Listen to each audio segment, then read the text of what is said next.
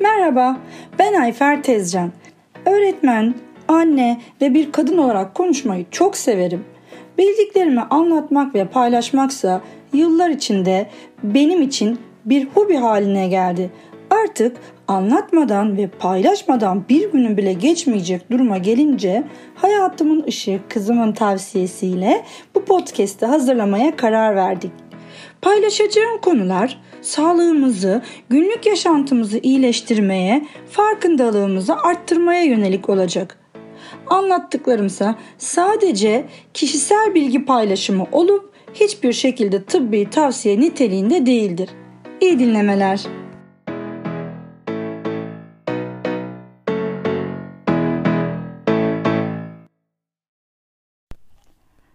Güneş vitamini ya da D vitamini ya da hormonu. Merhaba. Son yılların ve özellikle pandemi döneminin parlayan güneşi, güneş vitamini olarak da isimlendirilmeye başlayan D vitamini dersek yerinde bir tespit yapmış oluruz. D vitamini bize yağda eriyen ya da çözünen bir vitamin olarak tanıtıldı. Yani D vitamininin bağırsaklarımızda emilebilmesi için yağ moleküllerine ihtiyacı vardır ama biyokimyasal olarak moleküler yapısı hormon özelliğindedir. Aslında bu vitamin kolesterol öncül maddesinden üretilen steroid yapıdaki bir hormondur. Steroid yapı hakkında minicik bir bilgi verelim. Eşey hormonlarımız yani östrojen, progesteron, androjen, tostosteron vücudumuzdaki steroid yapıdaki moleküllerdir. D vitamininin vücudumuzda üretilebilmesi için gereken maliyet sıfırdır. Sadece güneşe. E, güneşten doğru zamanda yararlanmayı bilmeye ve de uygun giysilere, daha doğrusu en az giysiye ihtiyacımız vardır. D vitamini ki ben buna bir türlü alışkanlıktan hormon diyemiyorum. Bunun %80-90 gibi bir miktarı vücudumuzda güneşin ultraviyole B ışınları ile üretilir. Bir de ultraviyole A vardır. Ultraviyole B vücudumuzda yanıklar oluşturur. Ultraviyole A ise bizi yaşlandırır. D vitamininin geri kalan az miktarını da beslenmeyle karşılamaya çalışırız. D vitamininin en iyi besinsel kaynağı morina balığının karaciğer yağıdır. Bunun dışındaki e, bildiğimiz başlıca besinlerde işte balık yağı, uskumru, somon, ton balığı gibi besinler ki günlük beslenmeyle yeterli miktarda zaten D vitaminini alabilmemiz mümkün değildir. Hiç uğraşmayalım. D vitamininin iki temel şekli vardır. Bunlardan biri D2 formudur. Diğer ismi de ergokalsiferol. D2 formunu mantar çeşitleriyle ve bazı bitkisel besinlerle alabiliriz. Ama sakın bitkisel besinlerden ve mantarlardan beklentimiz çok yüksek olmasın. Hem miktar olarak hem de içerik olarak D2 vitamini vücudumuzun D vitamini ihtiyacını karşılayabilmek için kesinlikle yetmez. Bir diğer formu da D3 vitaminidir ki yani diğer adı kolekalsiferoldür. Bu şeklin temel üretilme kaynağı güneş olmakla beraber beslenme ile hayvansal gıdalarla da biz bunu az miktarda da olsa vücudumuza alırız. D3 vitamininin asıl üretilme şekli cilt altı yağ dokusunda depolanmış olan kolesteroldür ki hemen havalı ismini söyleyelim. 7 dehidro kolesteroldür bu.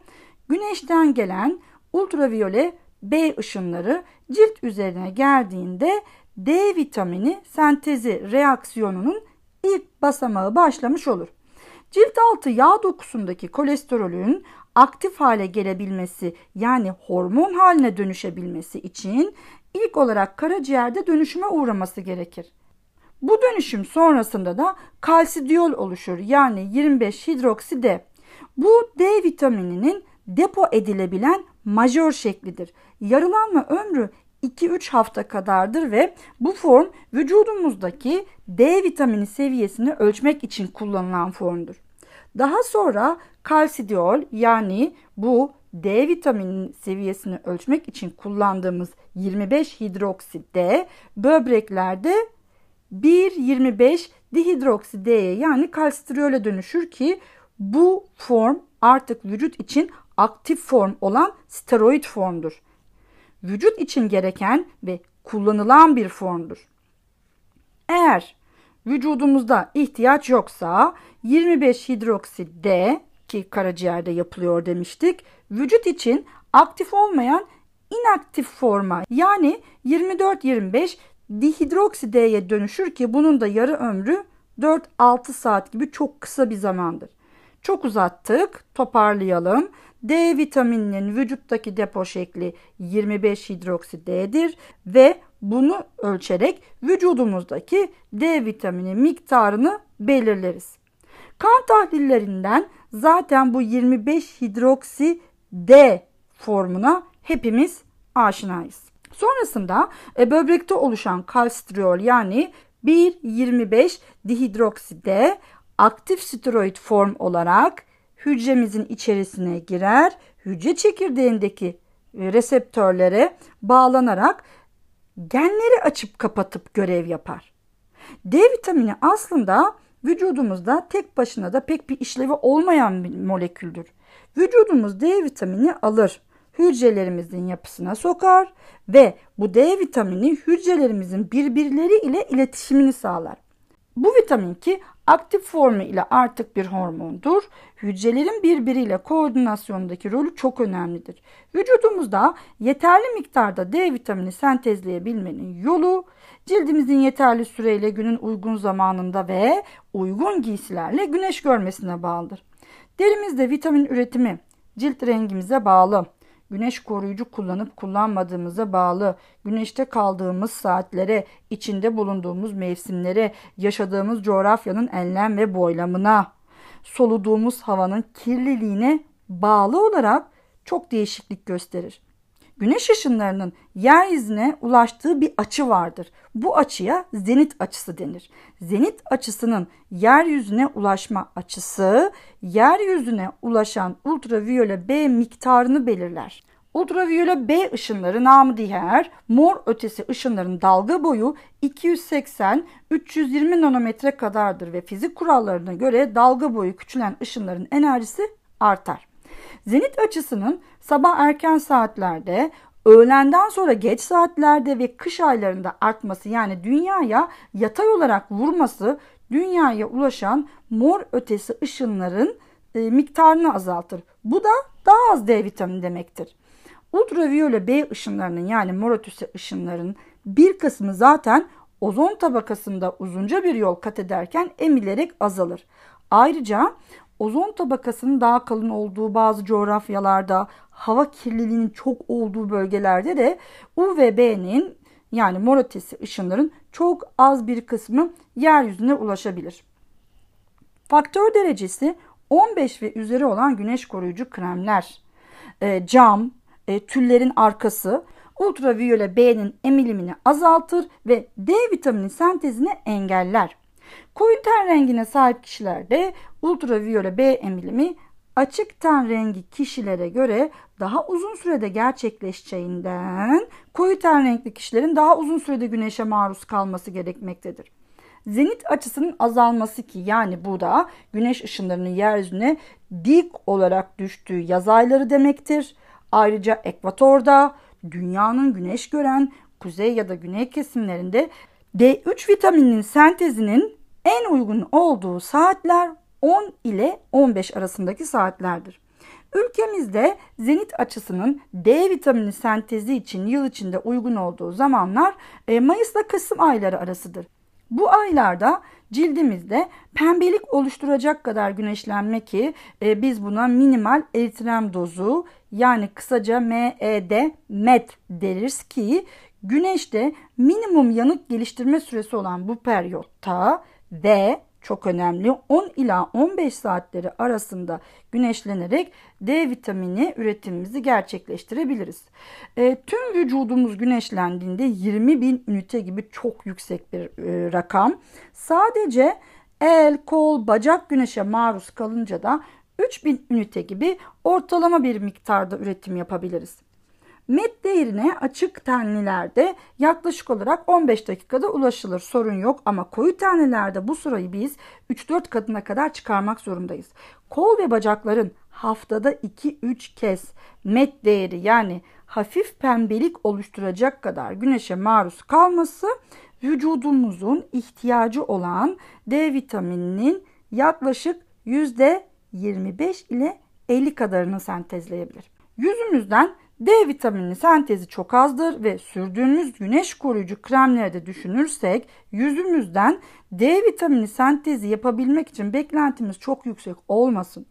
Çok uzun süre güneşe e, maruz kaldığımızda yani ultraviyole B ışınlarına maruz kaldığımızda ne olur? Korkmayalım. D vitamini intoksikasyonu yani zehirlenmesi geçirmeyiz.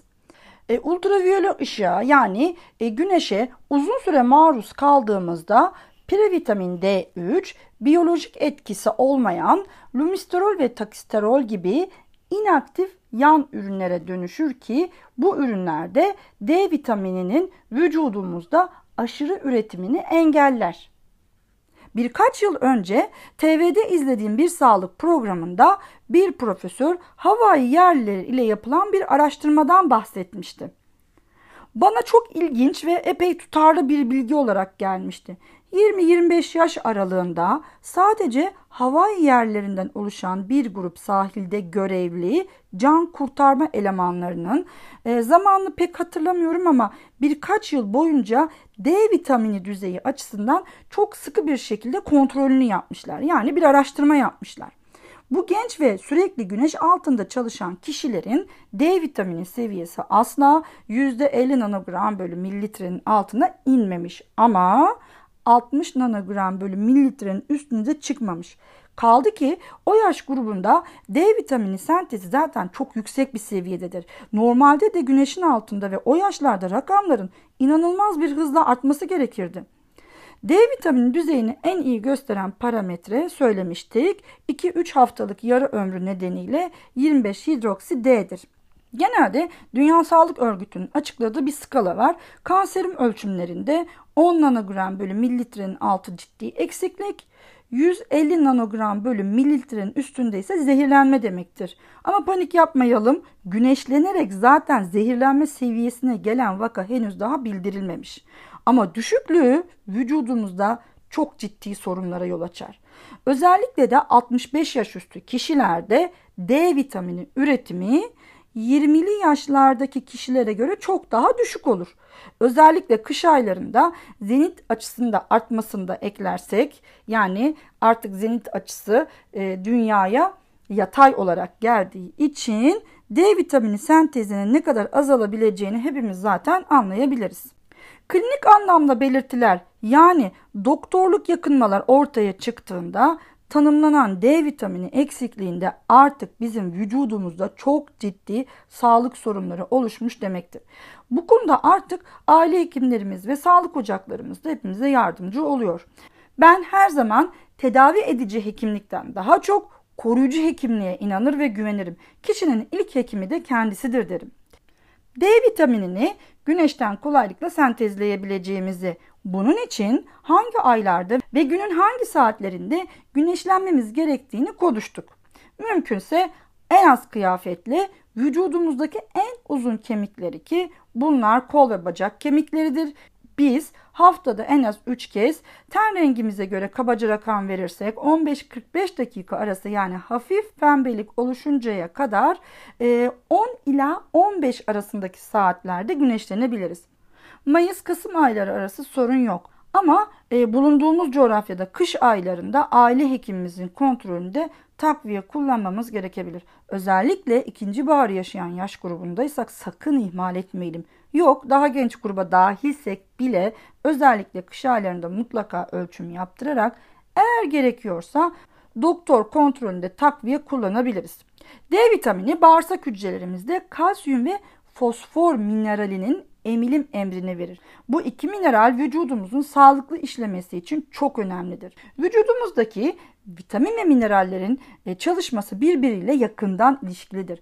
Ayrıca D vitamini vücudumuzda bazı zararlı mikroorganizmalar için toksik olan proteinleri üreten genleri aktifler ve bu zararlı mikroorganizmalara zarar veren proteinlerin üretimini sağlar. Böylece vücudumuzun zararlı mikroorganizmalardan da korunmasını sağlar. nereye bağlayabiliriz? Bağışıklığımızın güçlendirilmesine tabii ki. D vitamini uyku hormonu denen melatonin hormonunun da salgılanmasına yardımcıdır. 5 saatten fazla uykunun vitamin sentezini kolaylaştırdığı söylenmektedir. Çok fazla ama gereğinden çok fazla terliyorsak D vitamini eksikliği yaşıyor olabiliriz. Etrafımda çok duyduğum bir şikayettir. Başka bir çalışmada da hücrelerdeki protein sentezini olumlu etkilediğinden yaşlanmayı geciktireceğini ileri sürer. Bir diğer araştırmada D vitamini takviyesinin solunum yolları enfeksiyonunu azaltıcı rol oynadığı yönündedir. Korona döneminde televizyonlarda bu konuyla ilgili çok fazla uzman yorumu zaten hepimiz dinledik. Kalp hastalıklarının da D vitamini düzeyini azalttığını düşündüren bazı çalışmalar vardır. Depresyon, demans, multiple skleroz, şeker, kanser hastalıkları ile D vitamini eksikliği ilişkisini gösteren çalışmalar var ve halen devam ediyor. Özellikle romatoid artrit, lupus gibi hastalıklarda ve kortizon kullanımı yoğun olan bireylerde tüberküloz, epilepsi, karaciğer, böbrek hastalarında da kullanılan ilaçlara bağlı olarak D vitamini eksiklikleri görülebiliyor ve uzmanlar da D vitamini takviyesini tavsiye ederler. Biraz önce de söylediğimiz gibi e, D vitamini hücre çekirdeğindeki reseptörlere bağlanıp bazı genleri açarak hücreler arasındaki iletişimi de sağlar. Siyah ırkta da beyaz ırka göre daha fazla eksiklik rastlandığı bilinmektedir. Çünkü MED değeri siyah ırkta biraz daha yüksektir. Bunu da konuştuk. Kişinin D vitamini deposu ve kışın ihtiyaç duyacağı miktar o kişinin yaşına, kullandığı ilaçlara, sağlık durumuna, cildinin rengine, yıl içinde dışarıda ne kadar zaman geçirdiğinde e, vücudundaki yağ oranına, vücudunun kemik yenileme hızına bağlıdır. Bugüne dek yapılan araştırmalar D vitamini ile ilgili olarak yapılmış olan araştırmaların aslında buzdağının sadece görünen kısmı olduğunu düşündürür bize. Aslında D vitamini eksikliği ve buna bağlı olarak yaşanan sağlık sorunları o kadar yaygın ki bir makalede okuduğum şu tanımlamayı paylaşmadan sona erdirmeyeceğim. D vitamini eksikliği dünya üzerindeki en yaygın görülen sessiz epidemidir. Sağlık aşkına sağlıkla kalın.